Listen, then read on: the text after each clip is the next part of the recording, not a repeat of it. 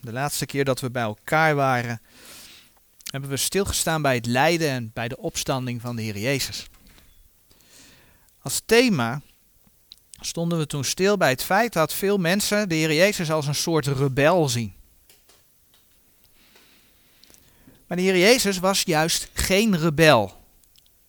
De Bijbel laat zien dat rebellie, dat dat zonde is.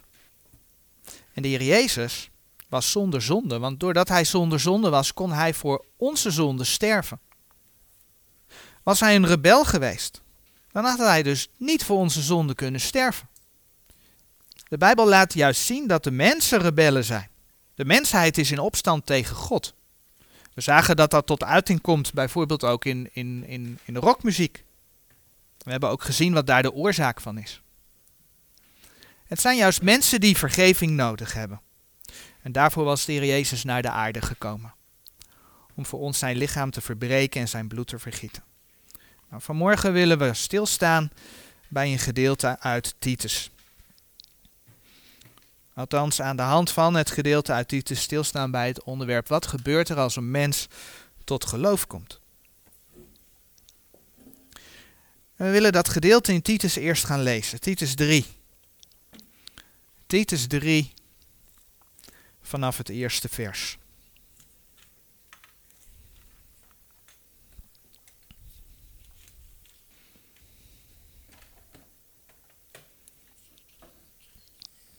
Titus 3 vanaf vers 1. Vermaan hen dat zij de overheden en machten onderdanig zijn, dat zij hun gehoorzaam zijn, dat zij tot alle goed werk bereid zijn.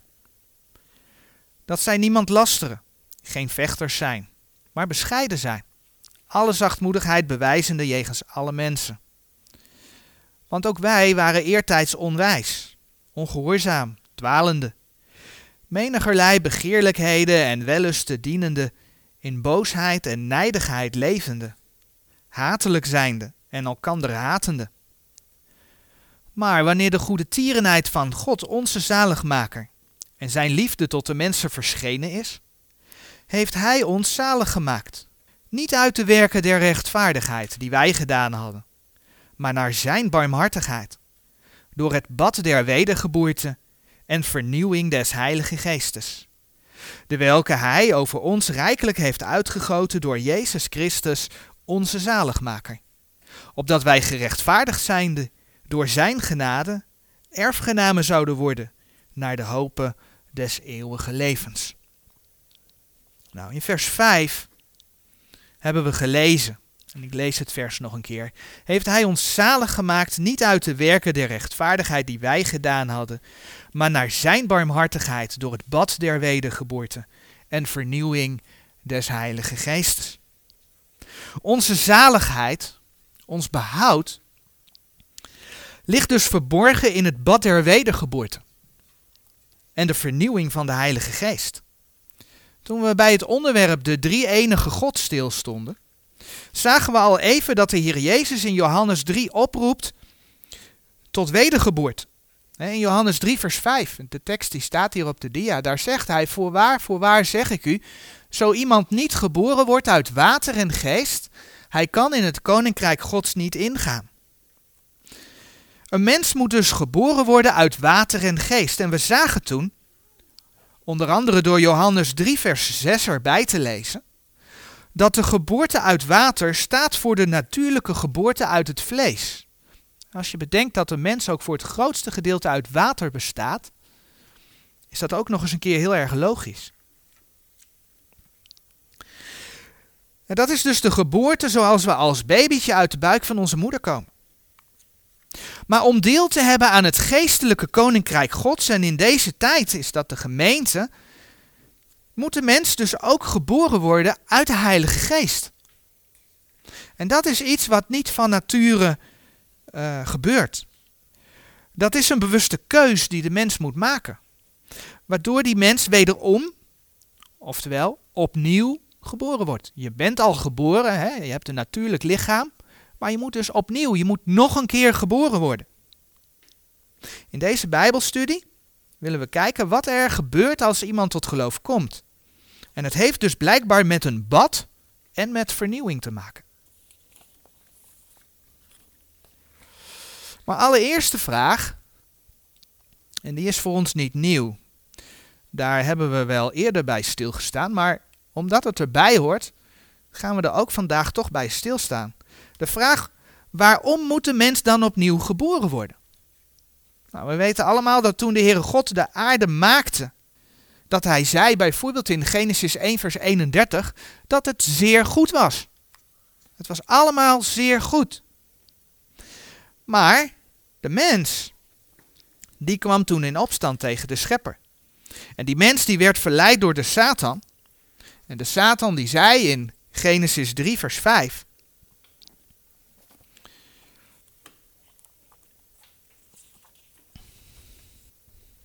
Genesis 3 vers 5.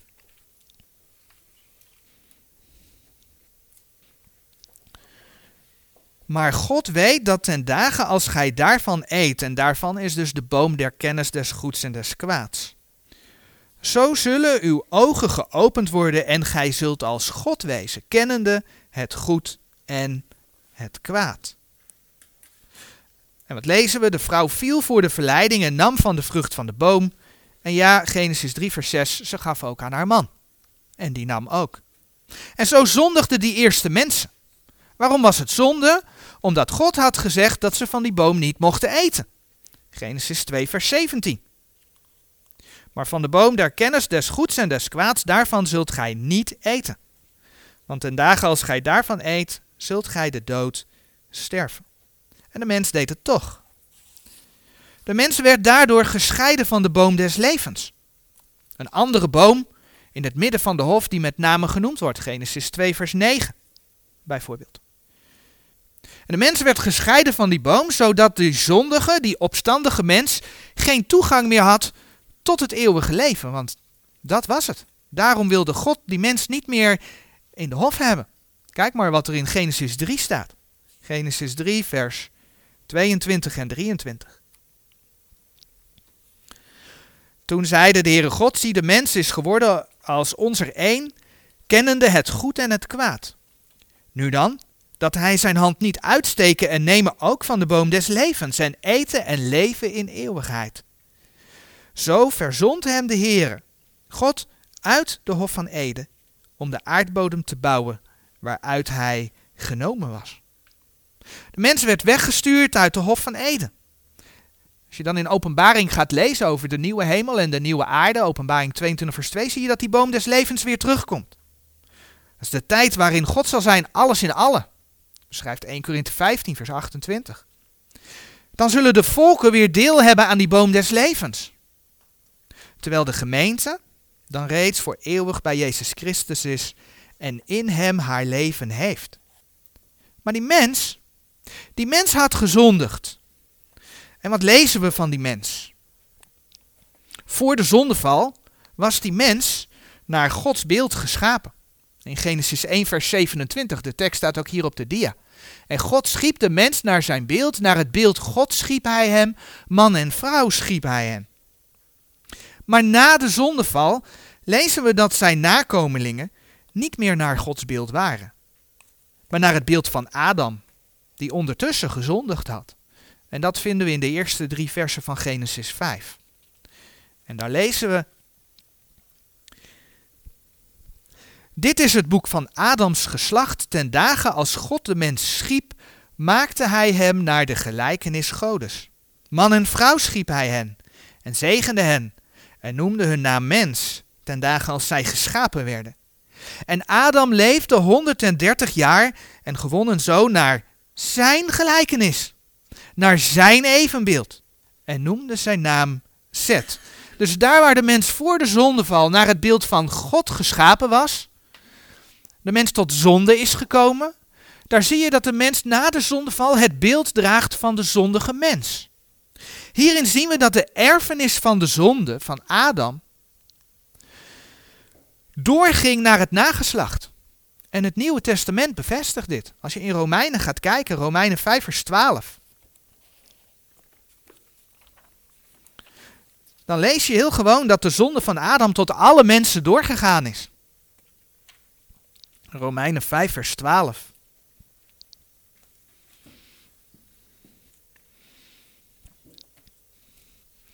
Daarom, gelijk door één mens de zonde in de wereld ingekomen is, en door de zonde de dood, en alzo de dood tot alle mensen doorgegaan is, in welke allen gezondigd hebben.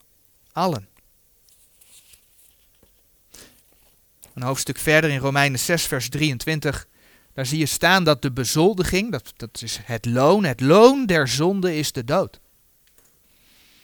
Nou, die opstand tegen God, tegen de schepper van hemel en aarde, het als God willen zijn, vinden we vandaag de dag terug in de New Age beweging. Die leert dat we allemaal, uiteindelijk allemaal een stukje van God in ons hebben. En uiteindelijk allemaal God zullen worden. We vinden het zelfs terug in de nieuwe vertalingen. In Psalm 8, vers 6 vinden we in de Statenbijbel. De tekst staat hier op de dia, maar we willen zo ook nog verder naar Psalm 8 kijken. Dus ik pak het er even bij. Psalm 8, vers 6, daar lezen we in Gods woord in de Statenbijbel. Ik lees vers 5 er even bij. Wat is de mens dat gij zijner gedenkt en de zoon des mensen dat gij hem bezoekt? En hebt hem een weinig minder gemaakt dan de engelen. En hebt hem met eer en heerlijkheid gekroond. Dat staat er geschreven. In de meeste nieuwe vertalingen vinden we daar iets anders. De NBG 51, die zegt bijvoorbeeld: Toch hebt gij hem bijna goddelijk gemaakt en hem met heerlijkheid en luister gekroond.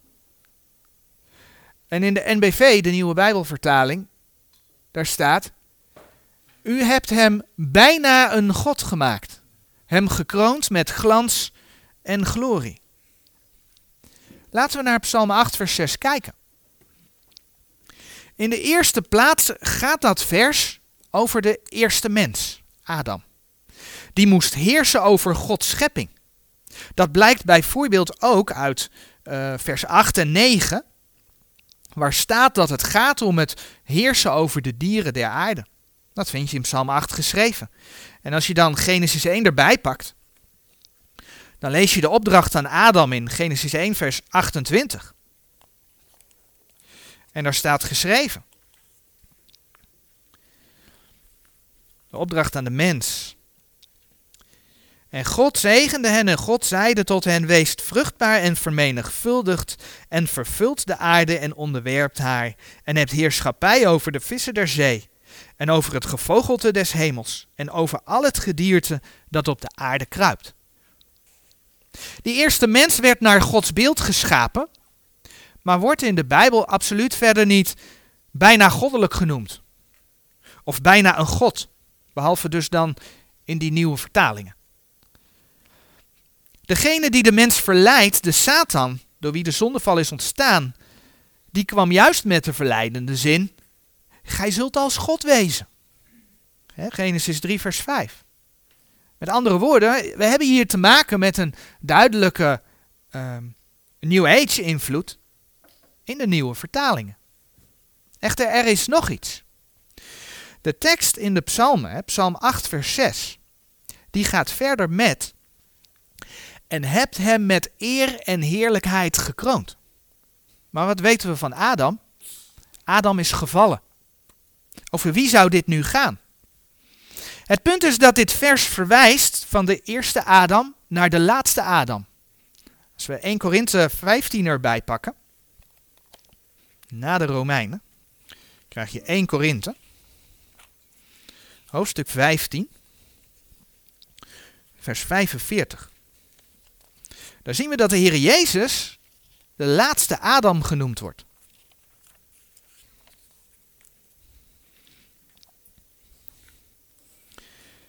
In 1 Korinthe 15, vers 45 lezen we dan. Alzo is er ook geschreven, de eerste mens Adam is geworden tot een levende ziel, de laatste Adam tot een levendmakende geest. Maar het geestelijke is niet eerst, doch het natuurlijke, daarna het geestelijke. Is ook dat de Heer Jezus zegt, je moet uit water en geest geboren worden. Je hebt eerst de natuurlijke geboorte, pas daarna kun je überhaupt wederom geboren worden. Vers 47. De eerste mens is uit de aarde aards. De tweede mens is de Heere uit de hemel. Door de eerste mens is de zonde en de dood in de wereld gekomen. We hebben Romeinen 5 vers 12 gelezen. Maar het is de Heer Jezus die gekomen is en voor ons de verlossing gebracht heeft. Die verlost van de dood die het eeuwige leven geeft. Romeinen 5 vers 21, die zegt, een tekst die verschijnt hier, opdat gelijk de zonde geheerst heeft tot de dood, als er ook de genade zou heersen door de rechtvaardigheid tot het eeuwige leven, door Jezus Christus onze Heer. En dan komt het. En dan bladeren we naar Hebreeën 2. Het is de Heer Jezus die gekroond is met eer en eerlijkheid. En dat lezen we bijvoorbeeld in Hebreeën 2.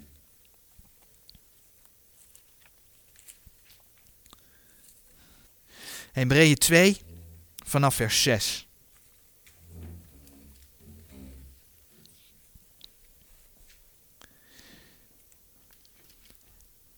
En in Hebreeën 2 vers 6 daar lezen we, maar iemand heeft ergens betuigd zeggende, wat is de mens dat gij zijner gedenkt? Of des mensenzoon dat gij hem bezoekt? Hé, hey, dat is Psalm 8 vers 5. Gij hebt hem een weinig minder gemaakt dan de engelen. Met heerlijkheid en eer hebt gij hem gekroond en gij hebt hem gesteld over de werken uw handen. Maar kijk hoe de tweede helft van vers 8 verder gaat. Doch nu zien wij nog niet dat hem alle dingen onderworpen zijn. Maar wij zien Jezus met heerlijkheid en eer gekroond, die een weinig minder dan de engelen geworden was, vanwege het lijden des doods, opdat hij door de genade Gods voor alle de dood smaken zou. De Heer Jezus is dus met eer en heerlijkheid gekroond, zegt Gods woord. Dat betekent dat Psalm 8, vers 6 niet alleen over de eerste Adam gaat. Psalm 8, vers 6 gaat profetisch over de Heer Jezus. En 1 Korinthe 15, vers 25 tot 28 laten zien dat de Heer Jezus uiteindelijk alle dingen onderworpen zullen zijn. Dat God zal zijn alles in allen. En dat is precies ook wat het eerste deel van Hebreeën 2, vers 8 bevestigend over de Heer Jezus zegt. Alle dingen hebt gij onder zijn voeten onderworpen. En zo zegt dus ook Psalm 8, vers 7. Zo zegt dus ook Psalm 8, vers 7. Gij doet hem heersen over de werken uw handen. Gij hebt alles onder zijn voeten gezet.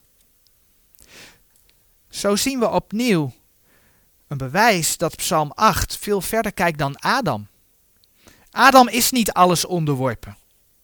Dit gaat profetisch over de Heer Jezus. Maar dat wetende, dat wetende dat het van de eerste Adam weliswaar de mens gaat tot profetisch over Jezus Christus. Wat zien we dan gebeuren in al die nieuwe vertalingen? Enerzijds zien we dat de mens bijna goddelijk gemaakt wordt. Want meestal wordt deze psalm gewoon op de mensen toegepast. En daarmee verhoogt men de in zonde gevallen mens, overeenkomstig de verleiding van de duivel in Genesis 3. Zo zien we letterlijk voor onze ogen dat de schriftkritiek gehoor geeft aan de verleiding van die duivel.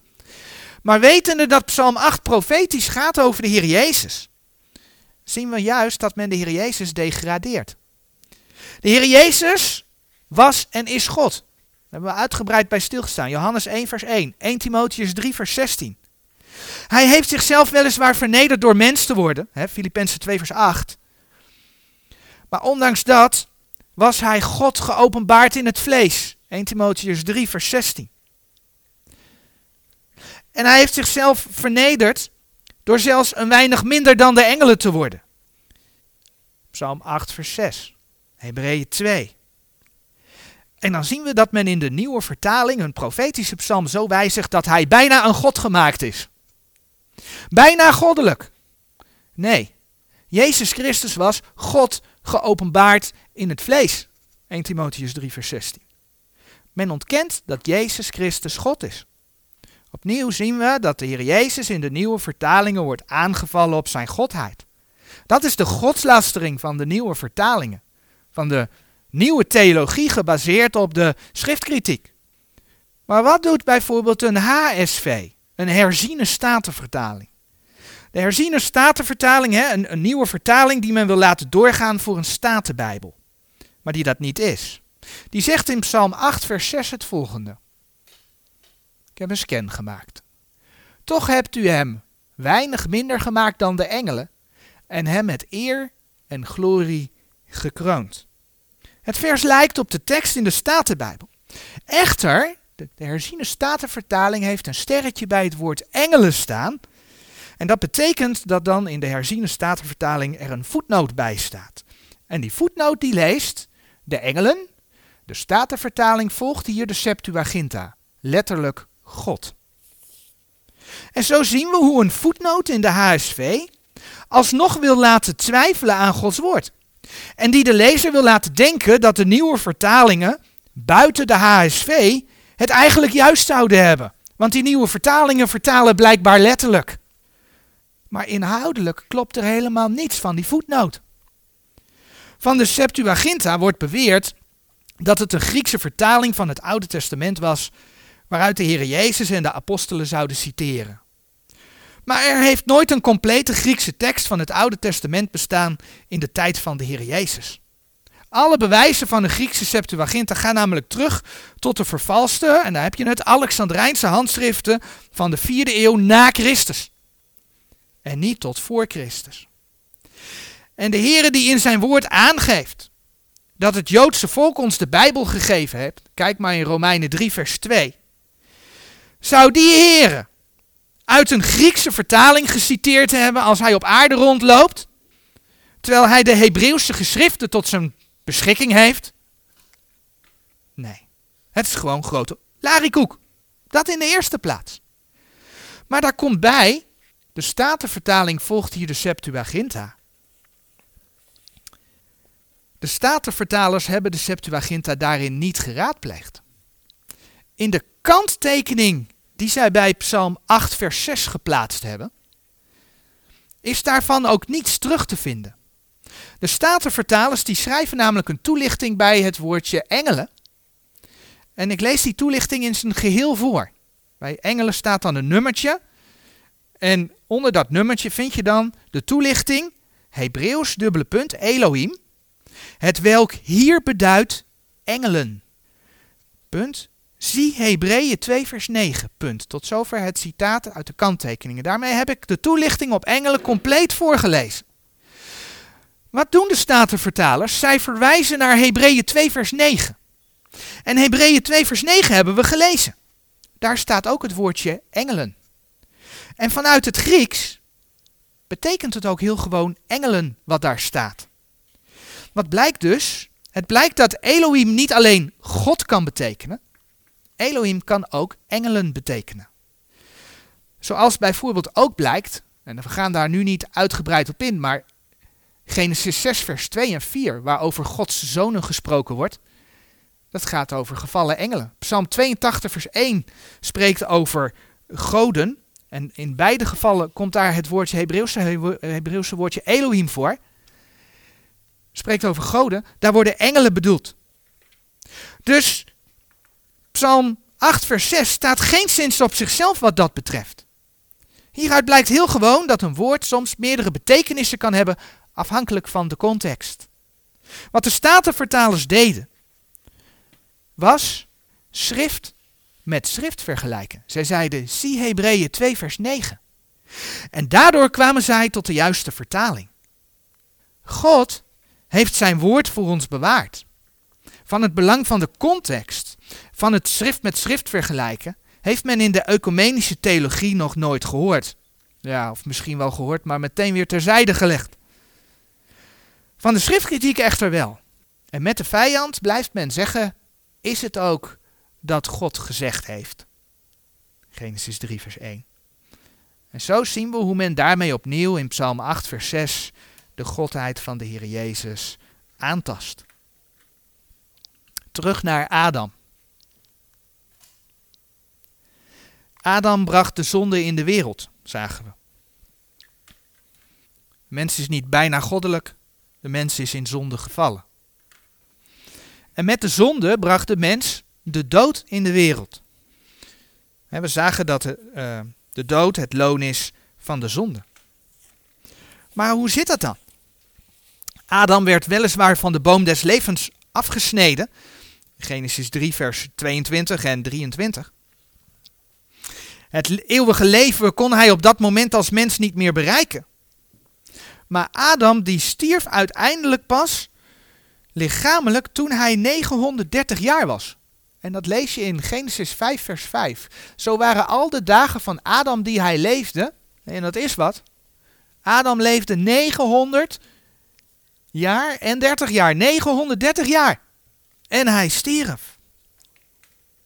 Hadden we laatst thuis een discussie. Hoe kan dat nou? Hè? De hele wereldbevolking uit.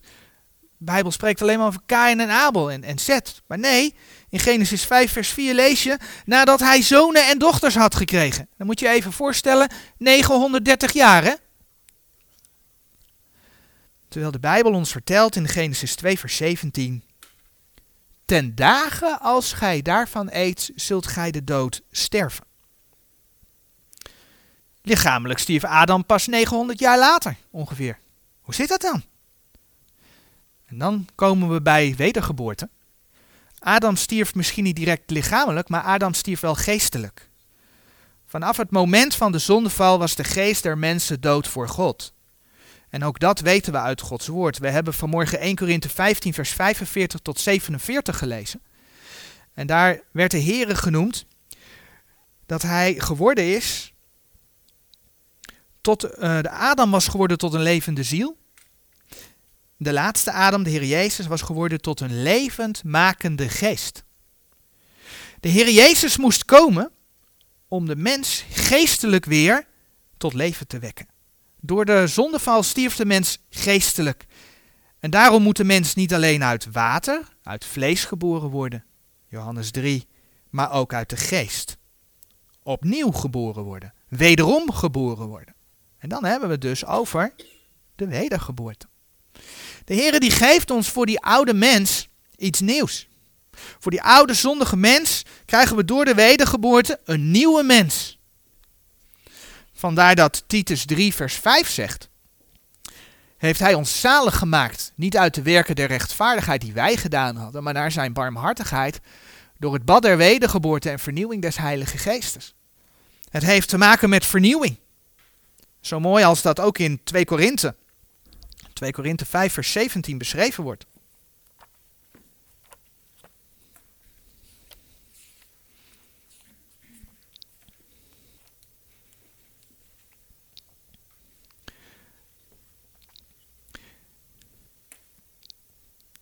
In 2 Korinthe 5 vers 17 daar lezen we Zo dan indien iemand in Christus is, die is een nieuw schepsel. Het oude is voorbij gegaan. Zie, het is alles nieuw geworden. We komen er zo nog op terug, maar het in Christus zijn heeft te maken met de wedergeboorte. En hier lezen we dus dat je een nieuw schepsel bent geworden. Je bent door de Here, die een levendmakende geest is, levend geworden voor God. Dus opnieuw geboren voor God. Het is alles nieuw geworden. Dus vernieuwing. Maar hoe ontstaat die vernieuwing dan? Wat gebeurt er dan? We hebben het over, hè, Titus 3 vers 5 spreekt over het bad der wedergeboorte. En velen denken dan dat je eerst met water gedoopt moet worden om bij de Here te horen. Maar dit bad der wedergeboorte heeft helemaal niets met water te maken. 1 Petrus 1 vers 23 spreekt ook over de wedergeboorte. En daar lezen we 1 Petrus 1 vers 23.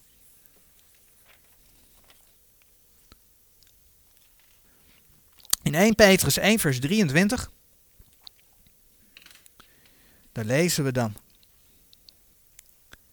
Gij die wedergeboren zijt, niet uit vergankelijk, maar uit onvergankelijk zaad, door het levende en eeuwig blijvende woord, woord Gods. Alles begint dus met zaad dat gezaaid is. En in dit geval gaat het om onvergankelijk zaad. Zaad dat niet vergaat. En dat zaad is het levende en eeuwig blijvende, want het vergaat niet, woord van God. Door het horen van het woord kan de mens dus wederom geboren worden. Op een andere plaats zegt Gods woord dan ook, Romeinen 10, vers 17, zo is dan het geloof uit het gehoor en het gehoor door het woord Gods.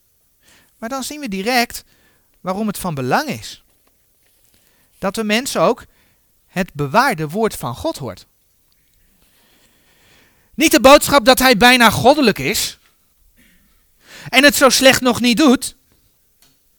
Ja, pak een nieuwe vertaling.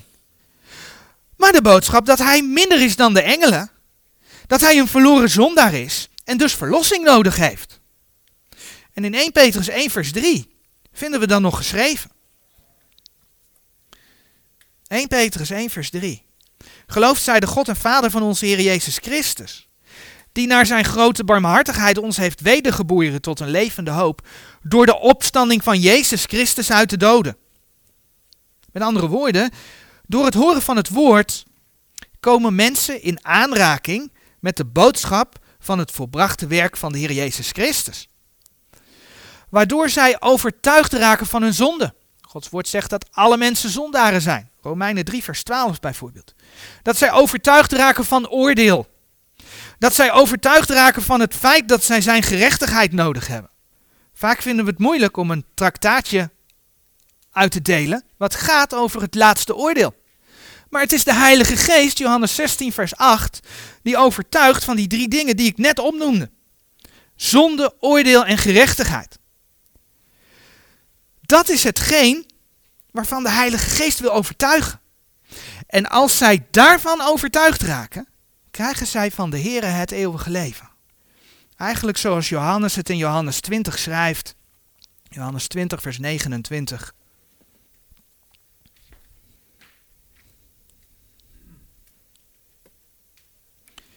Jezus zeide tot hem: Omdat gij mij gezien hebt, Thomas, zo hebt gij geloofd. Zalig zijn zij die niet zullen gezien hebben en nochtans zullen geloofd hebben. Jezus dan heeft nog wel vele andere tekenen in de tegenwoordigheid zijner discipelen gedaan, die niet zijn geschreven in dit boek. Maar deze zijn geschreven opdat gij gelooft dat Jezus is de Christus, de Zoon Gods, en opdat gij gelovende het leven hebt in zijn naam. En nu gaat het dus niet zozeer om die tekenen, maar om de opstanding. Die tekenen hebben bewezen dat Jezus Christus uit de dood is opgestaan. En daar gaat de verkondiging over. Dat is wat we in de Bijbel voor de gelovigen van deze gemeentetijd vinden. Dat is wat we in de brieven van de apostel der heidenen, Paulus, vinden als het evangelie der genade Gods. In bijvoorbeeld 1 Korinthe 15 vers 1 tot en met 6. We hebben dat gedeelte, de laatste Bijbelstudie, uitgebreid gelezen. dat hij voor ons gestorven is, begraven is, opgewekt is naar de schriften. Door die verkondiging kan de mens dus tot wedergeboorte komen. Hij wordt dan levend voor God.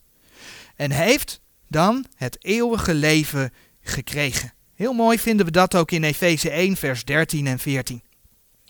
Efeze 1, vers 13 en 14. En in Efeze 1, vers 13 lezen we: In welke ook gij zijt, nadat gij het woord der waarheid, namelijk het evangelie uw zaligheid, gehoord hebt. In welke, hè, en dat is dus Jezus Christus. Kijk maar in vers 12.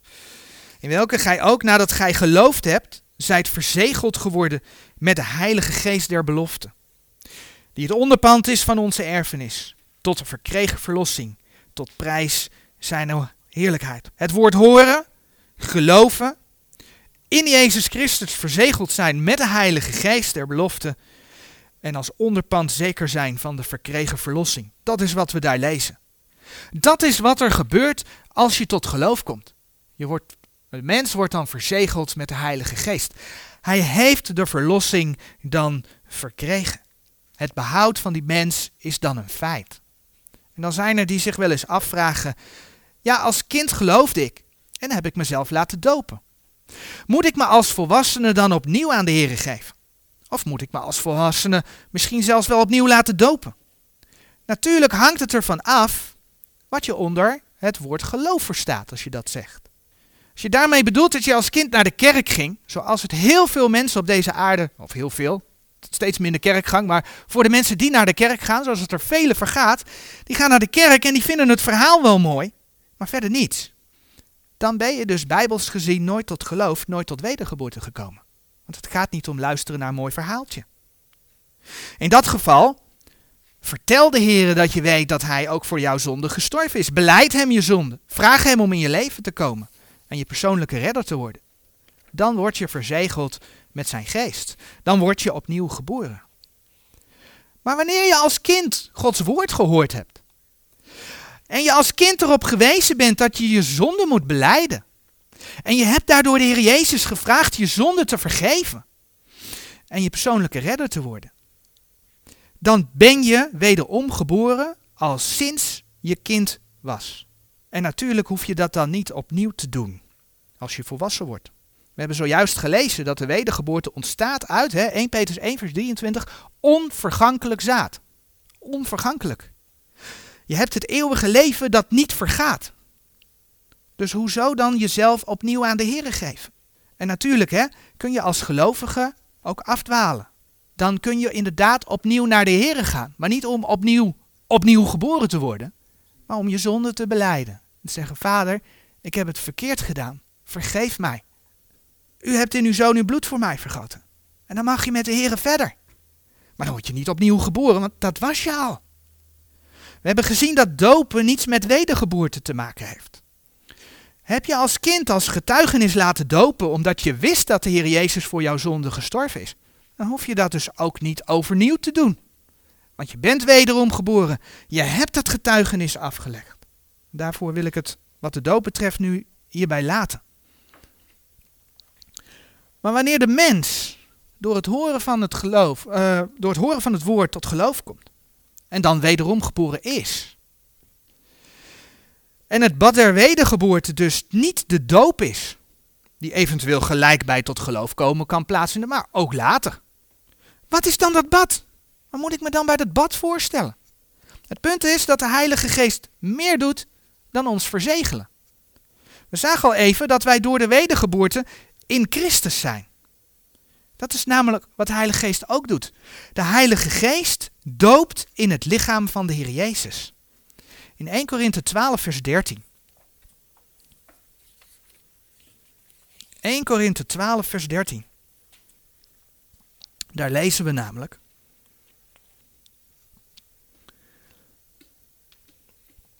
Want ook wij allen zijn door één geest tot één lichaam gedoopt.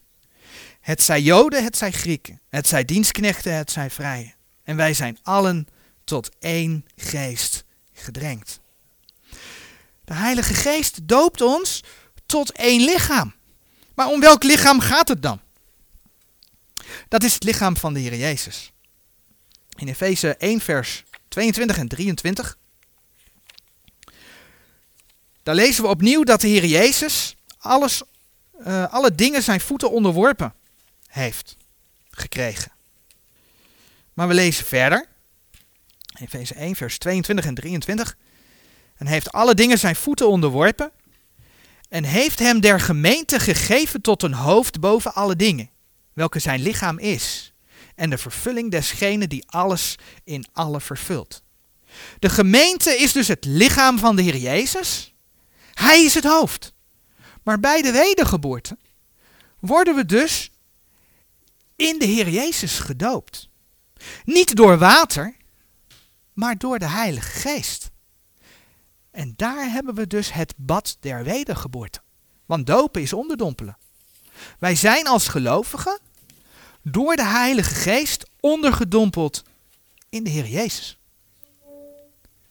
Heel veel teksten die spreken over dopen, maar niet over waterdoop, gaan over deze doop, het bad der wedergeboorte.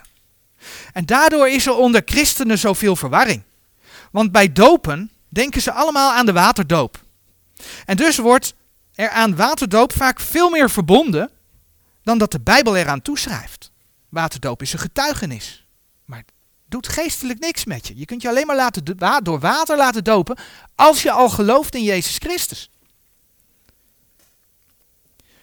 Maar veel teksten gaan dus niet over waterdoop. maar over die geestelijke doop in de Heer Jezus. En een mooi voorbeeld daarvan vinden we in Colossense. Colossense 2 vers 9.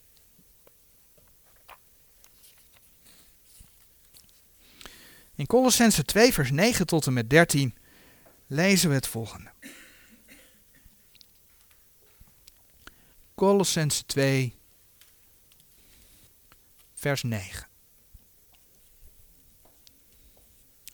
Want in hem woont al de volheid der Godheid lichamelijk. En gij zijt in hem volmaakt, die het hoofd is van alle overheid en macht. In welke gij ook besneden zijt, met een besnijdenis die zonder handen geschiet, in de uittrekking van het lichaam der zonde des vleeses, door de besnijdenis van Christus. Zijnde met hem begraven in de doop, in welke gij ook met hem opgewekt zijt door het geloof der werking Gods, die hem uit de doden opgewekt heeft. En hij heeft u, als gij dood waart in de misdaden en in de voorhuid uws vleeses, mede levend gemaakt met hem, al uw misdaden u vergevende. Ja, hier wordt over doop gesproken. Maar er is geen sprake van water. Er is wel sprake van een besnijdenis die zonder handen geschiet. Sterker nog, er wordt hier gezegd dat het plaatsvindt door het geloof der werking Gods. Het is iets wat de Heere zelf doet. En naast het feit dat de mens door de wedergeboorte levend wordt voor God en dat zijn zonden vergeven zijn, wat we dus ook hier in Colossense 2 lezen, naast het feit dat de mens verzegeld wordt met de Heilige Geest,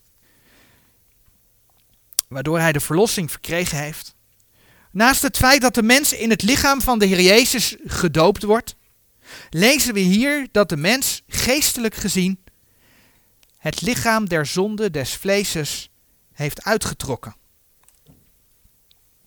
En dat maakt dat de Heere God die nieuwe mens in Christus dan ook zonder zonde kan zien. In het Oude Testament lees je vaak dat als men zondigde, die ziel heeft gezondigd. Maar door de geestelijke besnijdenis is de ziel daarvan bevrijd. Wij hebben ons geestelijk gezien ons vlees uitgetrokken. En alleen daarom kan het niet op de letterlijke waterdoop slaan, die een getuigenis is.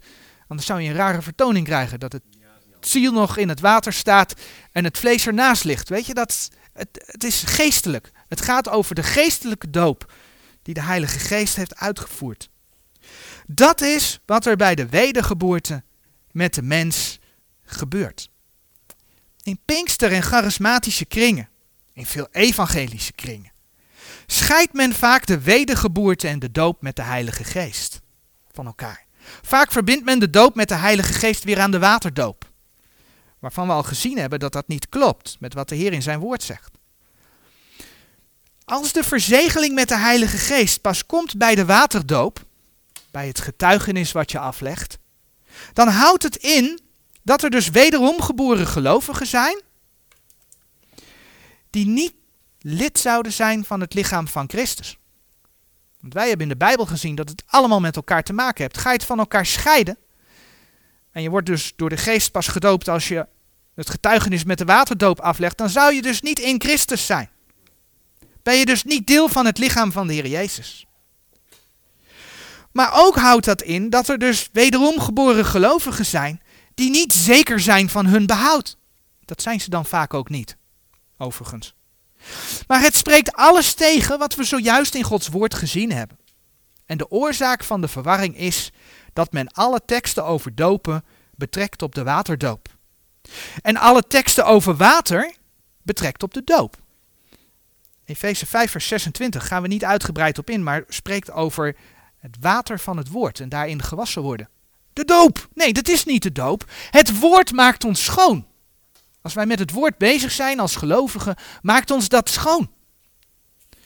Wel wil ik juist in het kader van mensen die dat allemaal scheiden, nog wijzen op het feit dat 1 Korinthe geschreven is aan de gemeente Gods, de geheiligde in Christus Jezus. En je kunt dat lezen in 1 Korinthe 1 vers 2. Is dus gewoon aan de gemeente van Jezus Christus geschreven. En dan lezen we in 1 Korinthe 12 vers 13, dat vers wat we al gelezen hebben, maar ik ga hem nog een keer lezen. Lezen we het nogmaals Alleen dan ga ik de nadruk anders leggen. Niet dat we het vers anders gaan lezen, maar ik ga even de nadruk anders leggen. Want ook wij allen zijn door één geest tot één lichaam gedoopt. Het zij Joden, het zij Grieken, het zij dienstknechten, het zij vrije. En wij zijn allen tot één geest gedrenkt. Met andere woorden, Paulus maakt geen onderscheid. Niet die gelovige behoort wel tot de gemeente. En die gelovige die wederom geboren is, behoort niet tot de gemeente. Paulus maakt geen onderscheid. Ten eerste is het wij allen zijn gedoopt. Ten tweede is het niet wij allen behoren alsnog gedoopt te worden. Verwijzend naar wat ze dus uh, binnen de Pinksterkringen doen. Maar er staat geschreven, wij allen zijn gedoopt.